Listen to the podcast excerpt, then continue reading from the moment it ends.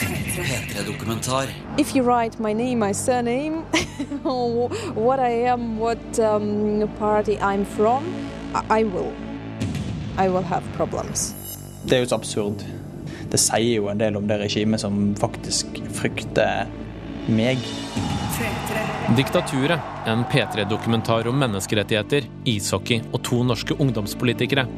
Jeg heter Sverre Lilleeng.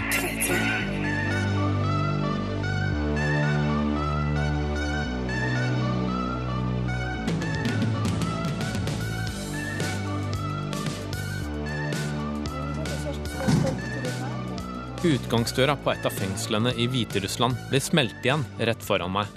Det er mai, og på motsatt side av Minsk så lader fulle utlendinger opp til neste kamp i ishockey-VM. Jeg derimot, jeg står ved siden av 23 år gamle Nastasia, som har en mage som tyder på at hun kan finne på å føde når som helst. Hun skal inn med mat og klær til kjæresten sin. Sola steiker denne formiddagen, og de kritthvite veggene på fengselet nærmest lyser opp blant boligblokkene og de små husa som ligger i nabolaget i Minsk. Bak piggtråden på toppen av yttermurene har mange demokratiforkjempere sona straffa si de siste 20 åra. Grunnen til at jeg står her sammen med Nastasia, får hviterussiske grensevakter, to politikere fra Kristelig Folkepartis Ungdom og spionene i KGB ta skylda for. Men mer om det litt seinere.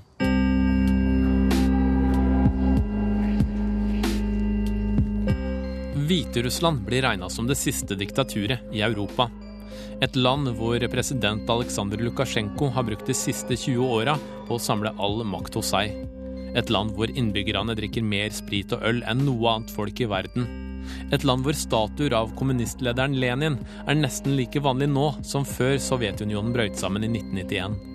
Og et land hvor folk blir overvåka og kasta i fengsel hvis de prøver å utfordre diktatoren.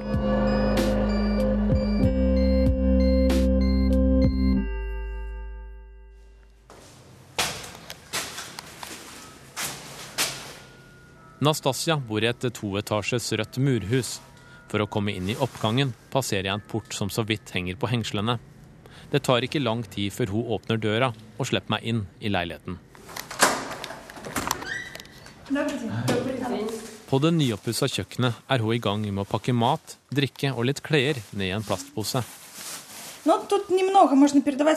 Jeg kan ikke ta med så mye, bare litt mat hver tredje dag. I tillegg er det bare noen typer ting som er lov. Det gjør at du må være litt kreativ for å ta med forskjellig mat hver gang. So what, what have you? Hovedsakelig ting som ikke blir dårlig, sånn som eh, godteri, salt kjøtt, te og juice. Why do you have to bring food and clothes to the uh, prison? Det går så lang tid mellom hvert måltid. Det går f.eks. åtte timer fra de får frokost til de får mer mat. Det gjør at de ofte er sultne. Maten og klærne skal Nastasia gi til Smitser Daskevic, mannen hennes og faren til barnet, inn i magen. For to uker siden ble han arrestert av politiet. Grunnen var at han kom hjem én time for seint fra jobb. Smitser har nemlig en slags husarrest fra åtte på kvelden til seks om morgenen. I tillegg påsto politifolka at han hadde gjort motstand da de kom for å prate med ham. Men Nastasia er sikker på at politiet bare var ute etter unnskyldninger for å fengsle han. De ville bare finne to straffbare forhold for å gi han 25 dager i arresten. Det vil si at hvis han hadde kommet hjem til rett tid, så ville de ha beskyldt han for å banne på gata eller noe annet.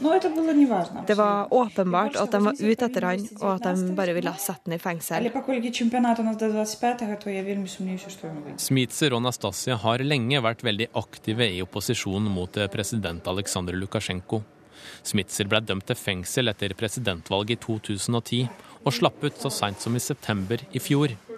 Amnesty International mener at han var en samvittighetsfange, og at dommen var helt urettferdig. Smitser er nemlig leder for den lille, men veldig aktive gruppa Ung Front. De arrangerer demonstrasjoner og prøver å engasjere unge hviterussere til å kjempe mot systemet til diktatoren. Uh?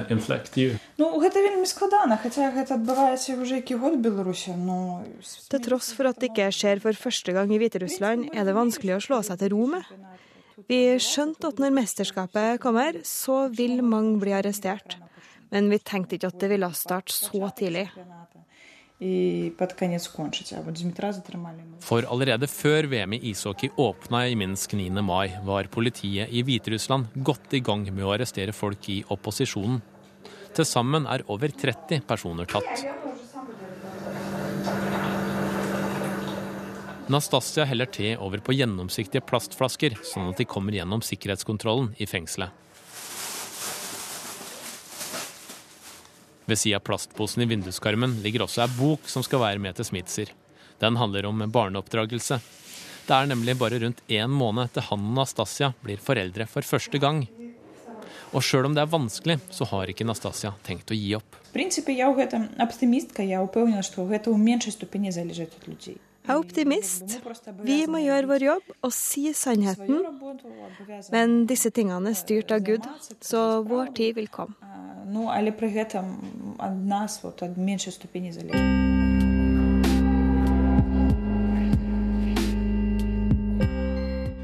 Ei liste over ting som gjør at du kan bli arrestert i Hviterussland. Banne på gata. Enmannsdemonstrasjoner. Gi mat til fattige på offentlig sted klappe i henda sammen med andre, bruke mobiltelefon samtidig med andre, være med på fredelige protester.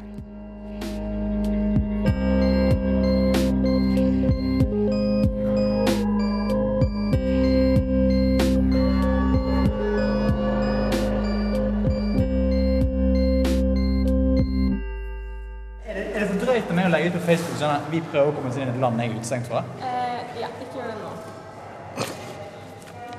Jeg tenker liksom, Det er jo ingen som ser på det. Og det er ingen som vet at det er et land, hvis jeg ikke skriver liksom Belarus med store bokstaver. Så... Nei, du tror ikke det? Det stemmer imot. Noen dager tidligere er Emil André Erstad og Line Nordhaug fra ungdomspartiet til KrF på togstasjonen i Vilnius i Litauen. Det er dem jeg skal følge inn til nabolandet Hviterussland, Emil og Line skal møte folk i organisasjonen til Nastasia Smitzer og det kristendemokratiske søsterpartiet sitt. Men før vi hopper på toget inn til diktaturet i sør, trengs det noen småting fra butikken i kjelleren på stasjonen. Ja, du kjøpte faktisk to chipsposer, du? Det koster én litas eller noe. Jeg vet ikke hva en litas er. Har du bruk for to? Er det liksom Jeg tenker bare sånn Men Er det liksom backup, eller hva, hva er greia? Ting kan skje, da ting kan jo skje. Og da, da, og da er det liksom chips du går for?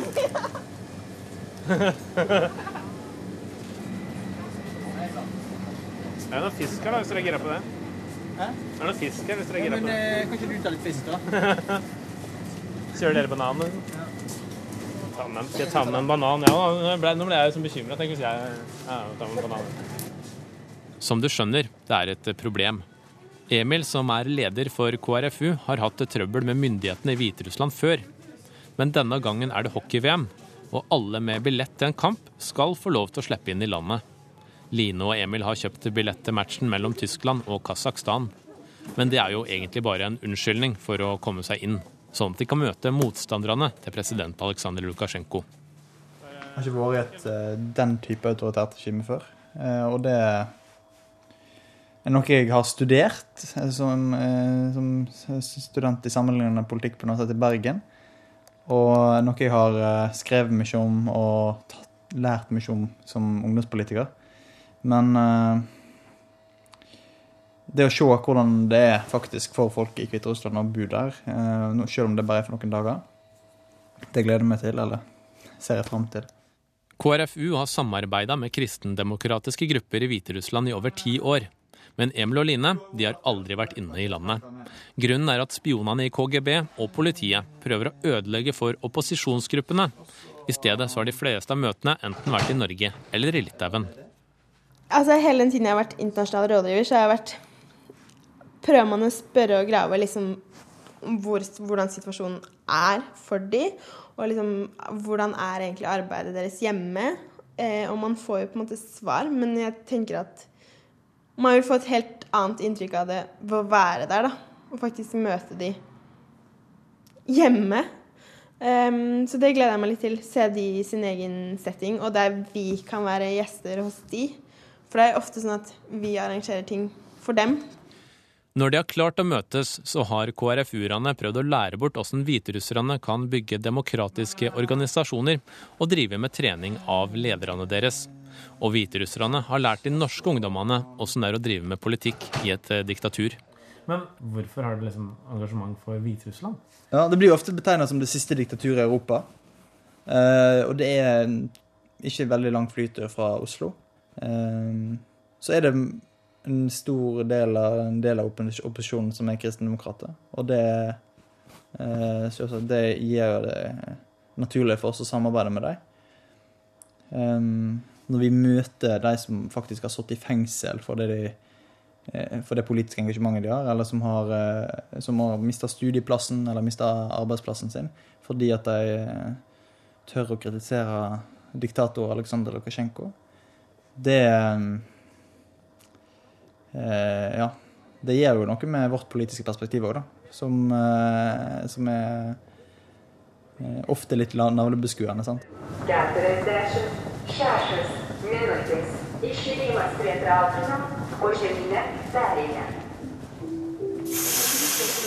Vi rusler inn i det splitter nye toget som er satt inn i trafikk mellom Vilnius og Minsk for noen uker siden. Akkurat i tide før VM.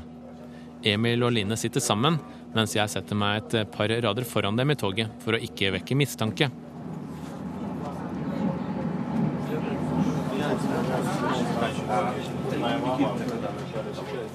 Etter en halvtime stopper toget på en stasjon.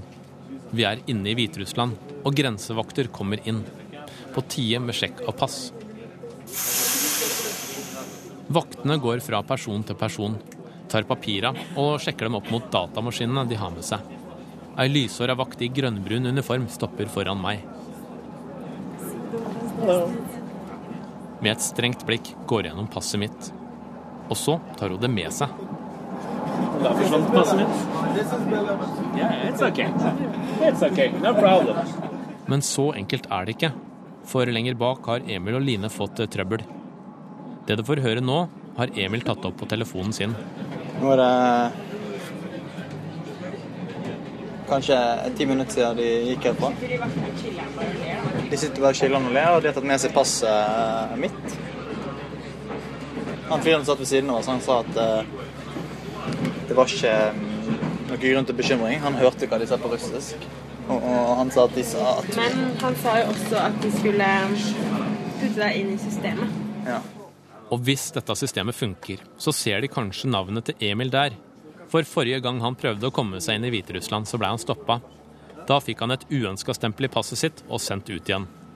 Håpet denne gangen er at visumfriheten under hockey-VM og et nytt pass skal gjøre det lettere å komme inn.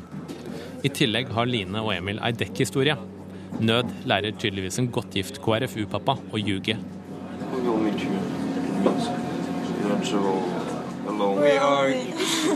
This is my girlfriend. Yeah, we are going to set, we are going to see the Germany Kazakhstan game on Saturday, and then we are going back. Jeg hører bare bruddstykker av det som skjer bak meg. Så jeg reiser meg opp, later som jeg strekker litt på meg, og snur meg for å se. Ei gruppe på flere vakter står rundt dem. Noen har helgrønne uniformer, andre har kamuflasjeklær. Men jeg vil ikke avsløre at vi egentlig er på tur sammen, så jeg setter meg forsøksvis rolig ned da enda flere vakter kommer nedover gangen. Oi, nå kommer de en. Er ikke du nervøs nå? Jo. Du ble nervøs da du på bagasjen?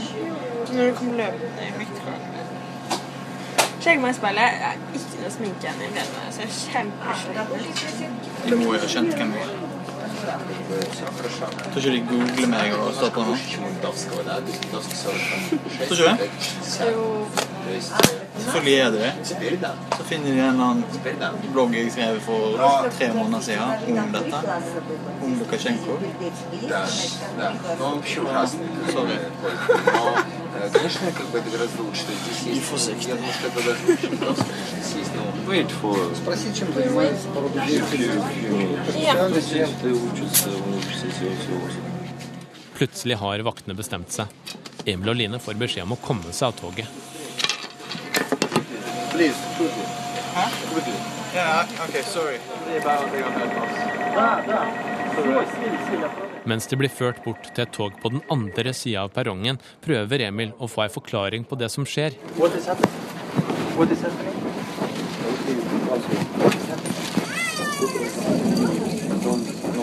You can't say because I'm on a list.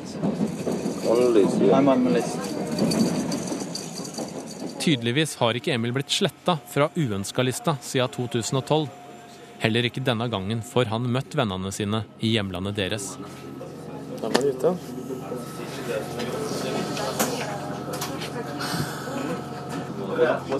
Da er spørsmålet hva som skjer videre.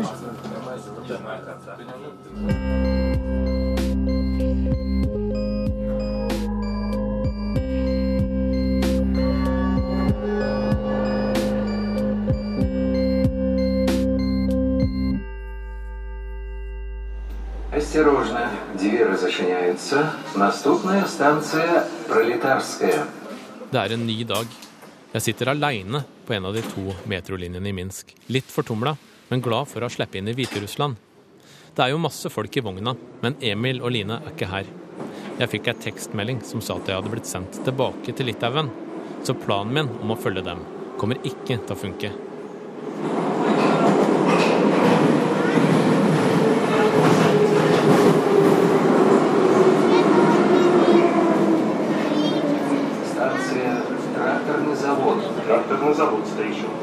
Heldigvis har jeg fått kontakt med Victoria. Hun er med i ungdomspartiet til BCD, de hviterussiske kristendemokratene.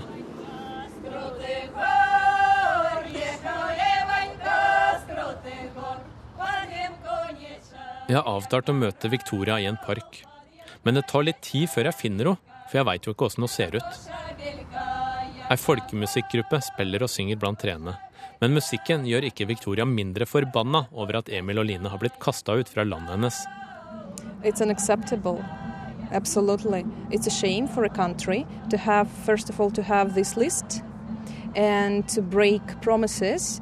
Uh, as they uh, stated that anyone with a ticket could freely um, pass through the border and so on and so forth. So, so it's uh, it's very difficult to believe that it happens in the 21st century, as a matter of fact, and it's it's disastrous. What had you planned for them?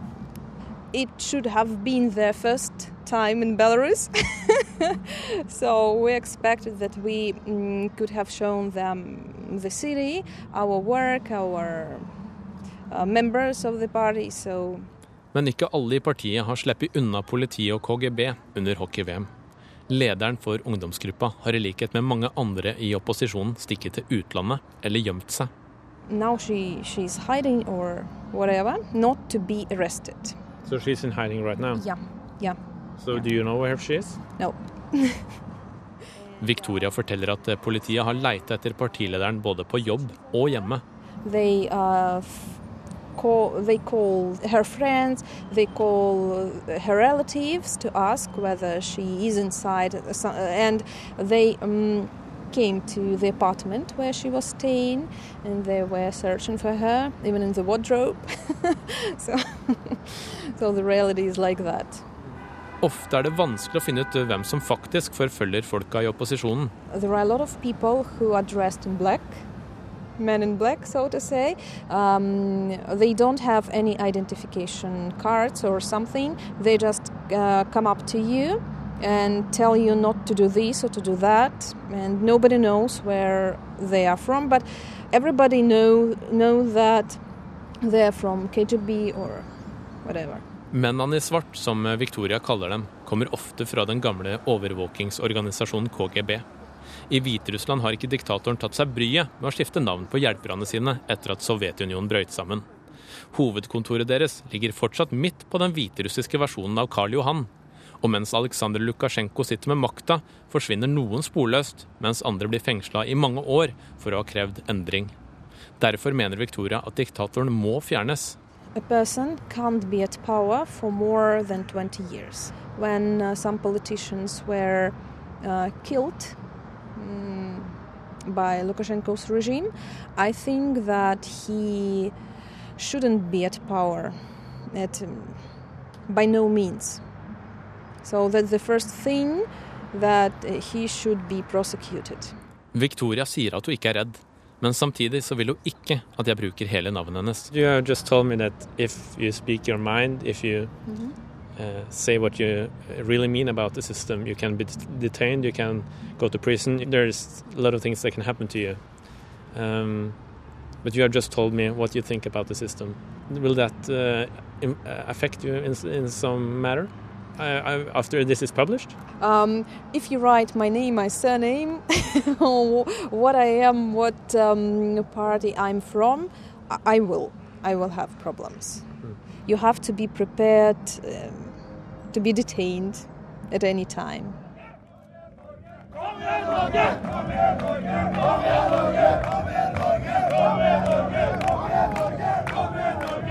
På andre sida av byen er det noen helt andre folk som er samla. Og de er ikke i fare for å bli arrestert med det første.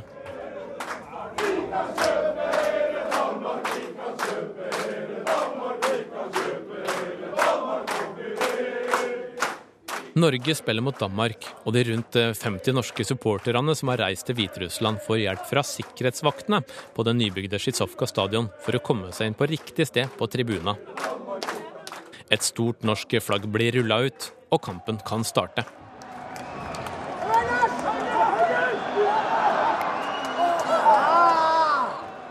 Etter en skikkelig dårlig start av det norske hockeylaget får de overtaket mot danskene. Stemninga stiger, og i pausa så får jeg tak i noen av fansa. Det ser, det ser veldig fint ut sånn ut, utapå. Byen er jo veldig ren og ordentlig og, og veldig hyggelige folk. Da. Veldig interessert i å komme i prat med deg.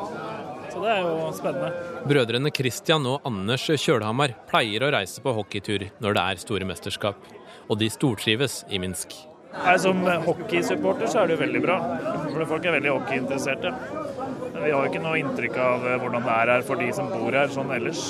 Andreas Kravik har også vært her i noen dager nå. Det er eh, veldig hyggelige mennesker. Ikke så grått som jeg hadde regna med. Maten er i mer eller mindre lite god. Og så er det store Alt er stort. Og så er det litt lite tilbud, da. Du må gå lenge for å finne ei pølse. så det er helhetsinntrykket. Ja. Ja. Har du sett noe dårlige sider med Hviterussland? Altså, De er jo ikke noe særlig glad i å diskutere politikk. da. De hvisker når de snakker om Lukasjenko. Så og Veldig mange virker misfornøyde med, med politiske systemet og med mulighetene. Så det er klart at eh, det er vel noe som er litt negativt, da, som henger over hele samfunnet. Har du merka det nå som du har vært der? Ja, altså I samtalen med hviterussere så har vi merka at vi har stilt litt forsiktige spørsmål. Vi vil liksom ikke sette noen i vanskelige situasjoner, men de vi har snakka med, har jo sagt det at, eh, at systemet er, eh, det politiske systemet er pill råttent og korrupsjon og eh, lite frihet. Så det, er, det tror jeg er et reelt inntrykk hos de fleste hviterussere. Tilbake på banen har Norge fått kontroll over kampen, og til slutt så vinner landslaget 4-2.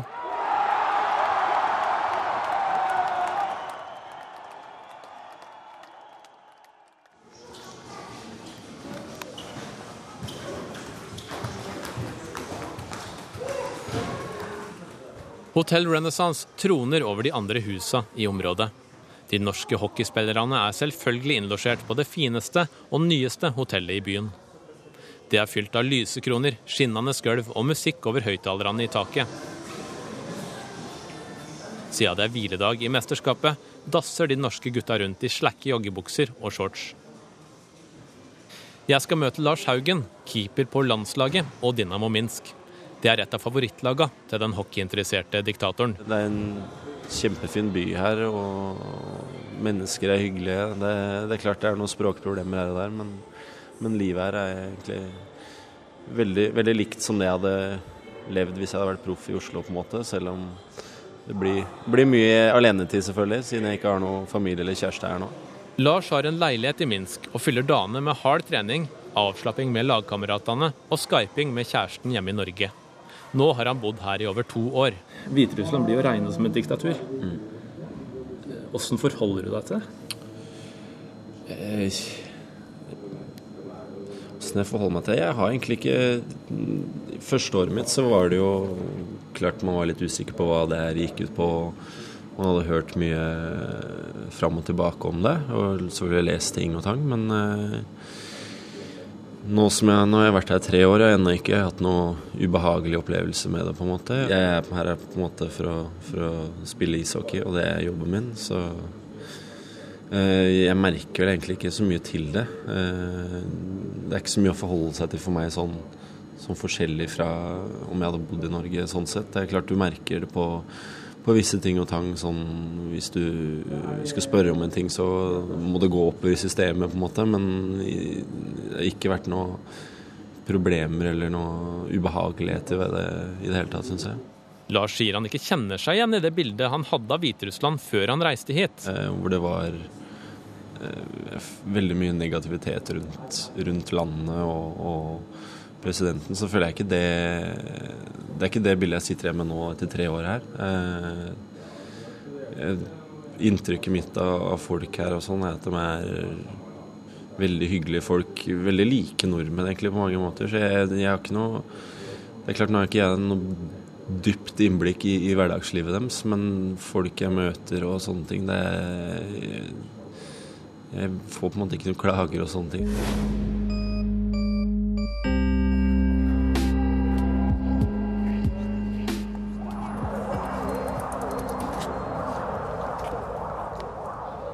Lyden av politisirener får meg til å se meg rundt.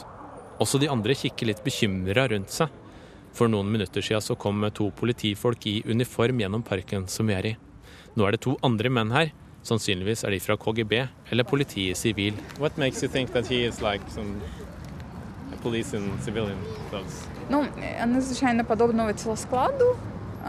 Vanligvis ser de ganske veltrente ut. De har et idiotisk uttrykk i ansiktet, og ofte har de på treningsklær. Og det er Stort sett så er det disse som arresterer folk, og ikke de andre politifolkene i uniform. Nasta Loika fra menneskerettighetsgruppa Våren har sett nok politi som prøver å gå undercover, til å skjønne at det er noe rart med de to som tilfeldigvis sitter på samme benk med hver sin plastpose og stirrer på oss. Nasta og de fire-fem frivillige med blå ID-kort rundt halsen er i St. Michaelsparken for å hindre at politiet arresterer folk fra gruppa Mat ikke bomber. Det har nemlig skjedd mange ganger før. Anarkistgjengen i Mat ikke bomber gir vegetarmat til hjemløse. Det liker ikke myndighetene, og når det er VM, da skal turistene i hvert fall ikke få se noe annet enn glansbildet av Hviterussland. Vi har fått vite at gatene vil bli renset for hjemløse, for at de ikke skal synes. De siste ukene har Nasta hatt ekstra mye å gjøre. I tillegg til at mange hjemløse er sendt ut av byen, så har hun prøvd å hjelpe folk i opposisjonen. Det er lenge siden jeg drev med dette sist, men akkurat nå er det så mange som sitter i fengsel, og noen av dem har ingen slektninger i Minsk, og det er ingen som kan ta med seg ting til dem. 25-åringen må ljuge for å kunne hjelpe. Det er bare slektninger som kan gi fangene mat og klær, så jeg sier f.eks. at jeg er dattera til de innsatte. Nasta veit åssen det er å sitte inne bak murene.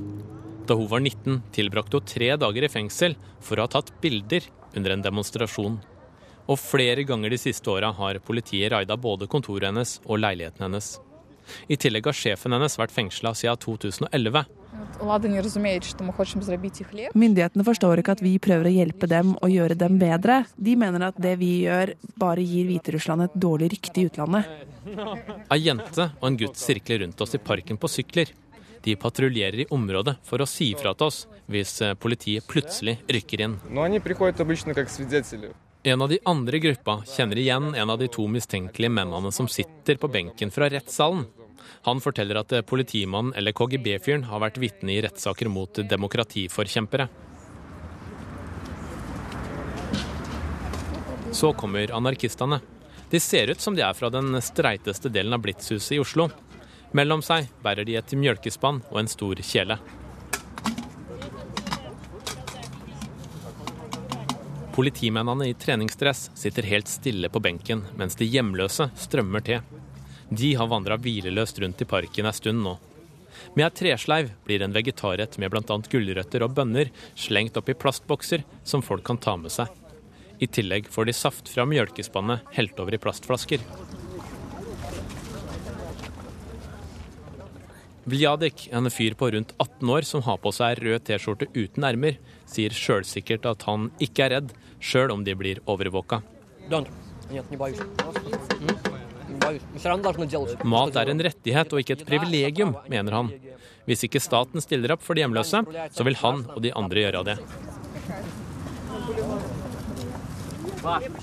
Når jeg snur meg, er politifolka borte. Verken de i sivil eller i uniform dukker opp igjen. De hjemløse kan fortsette dagen med full mage. Og Mat ikke bombergjengen kan pakke sammen og reise videre til en annen park, hvor de skal gi flere noe å spise. Dette har gått bedre enn det jeg frykta.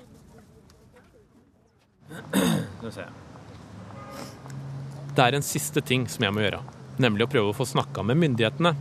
Jeg har ringt til Utenriksdepartementet og fått beskjed om at de ikke har tid til å møte meg, og heller ikke tid til å snakke med meg på telefon. Jeg har sendt flere e-poster for å få et intervju. Og da gjenstår bare én ting. Nå sitter jeg i en park rett utafor hovedkvarteret til KGB i eh, Hviterussland. Kanskje KGB kan svare på hvorfor de overvåker ungdommer som bare vil ha mer frihet.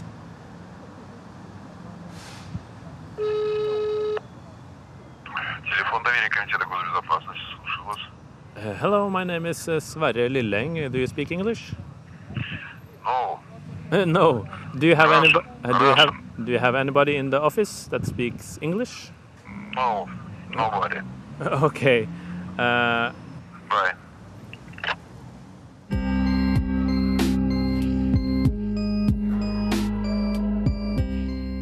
Rett etter at jeg er ute av Hviterussland, får jeg en dårlig nyhet. Bare dager etter at jeg var sammen med Nasta og gjengen i Mat ikke bomber, ble fem av anarkistene arrestert. En av dem ble fengsla i to uker, mens resten slapp ut etter noen timer i avhør. Noen hundre meter fra Stortinget i Oslo har KrFU kontor. Der møter jeg Emil, som jeg starta reisa sammen med. Hei. Han sier det var en stor nedtur å bli kasta ut fra Hviterussland. Det er noe spesielt med å bli ut, utvist eller kasta ut av et land. Det, det er en myndighet som, som virkelig ikke vil ha deg der, og det er ikke en hyggelig følelse. så nei. Men nå etterpå så så har jeg, og, eh, har jeg tenkt litt på hva, hva, hvordan vi liksom skulle gjøre det. Og det vi har gjort nå, er at vi har skrevet brev til eh, Aleksandr Lukasjenko, et åpent brev. Tross alt, KrFU er et uh, lite ungdomsparti i et veldig lite land i Europa med veldig lite makt. Eh, Hvordan tolker du at faktisk liksom, du da som leder av parti, det partiet i det lille landet blir kasta ut fra Hviterussland? Nei, det, det er jo så absurd. Det sier jo en del om det regimet som faktisk frykter meg. Ehm, og jeg tror, eh, som jeg skriver i det brevet til Alexander Lukasjenko, at jeg tror du er redd for noe. Eh, jeg, det ser ut som du er redd for noe. Det er politiet valgt. Det er nesten umulig å komme inn i landet ditt. Og det jeg tror han er redd for, det er enten eh, at ting skal skje som det har skjedd i Egypt, i Libya, i Ukraina. Ustabilitet, kaos. Ehm, men det jeg tror han mest frykter, det er jo at han skal miste privilegiene sine. Og at jeg og mine venner kan bidra til at han gjør det, det må vi være helt ærlige på at det kan vi. Eh, og jeg tror at selv om jeg er en liten ungdomspolitiker i Norge som, eh, som har lite makt, så tror jeg at jeg kan forandre noe. Jeg kan være med og forandre noe og kan være med og inspirere noe. Senest i dag fikk jeg meldinger fra, fra de vi eh, samarbeider med, at eh, de, de visste at det var noen utenfor som faktisk snakka om deres situasjon. At de ikke var alene. Det hadde utrolig mye å si for deres eh, motivasjon til å, til å i hele tatt eh, holde på med det de gjør. For det de gjør, er jo farlig.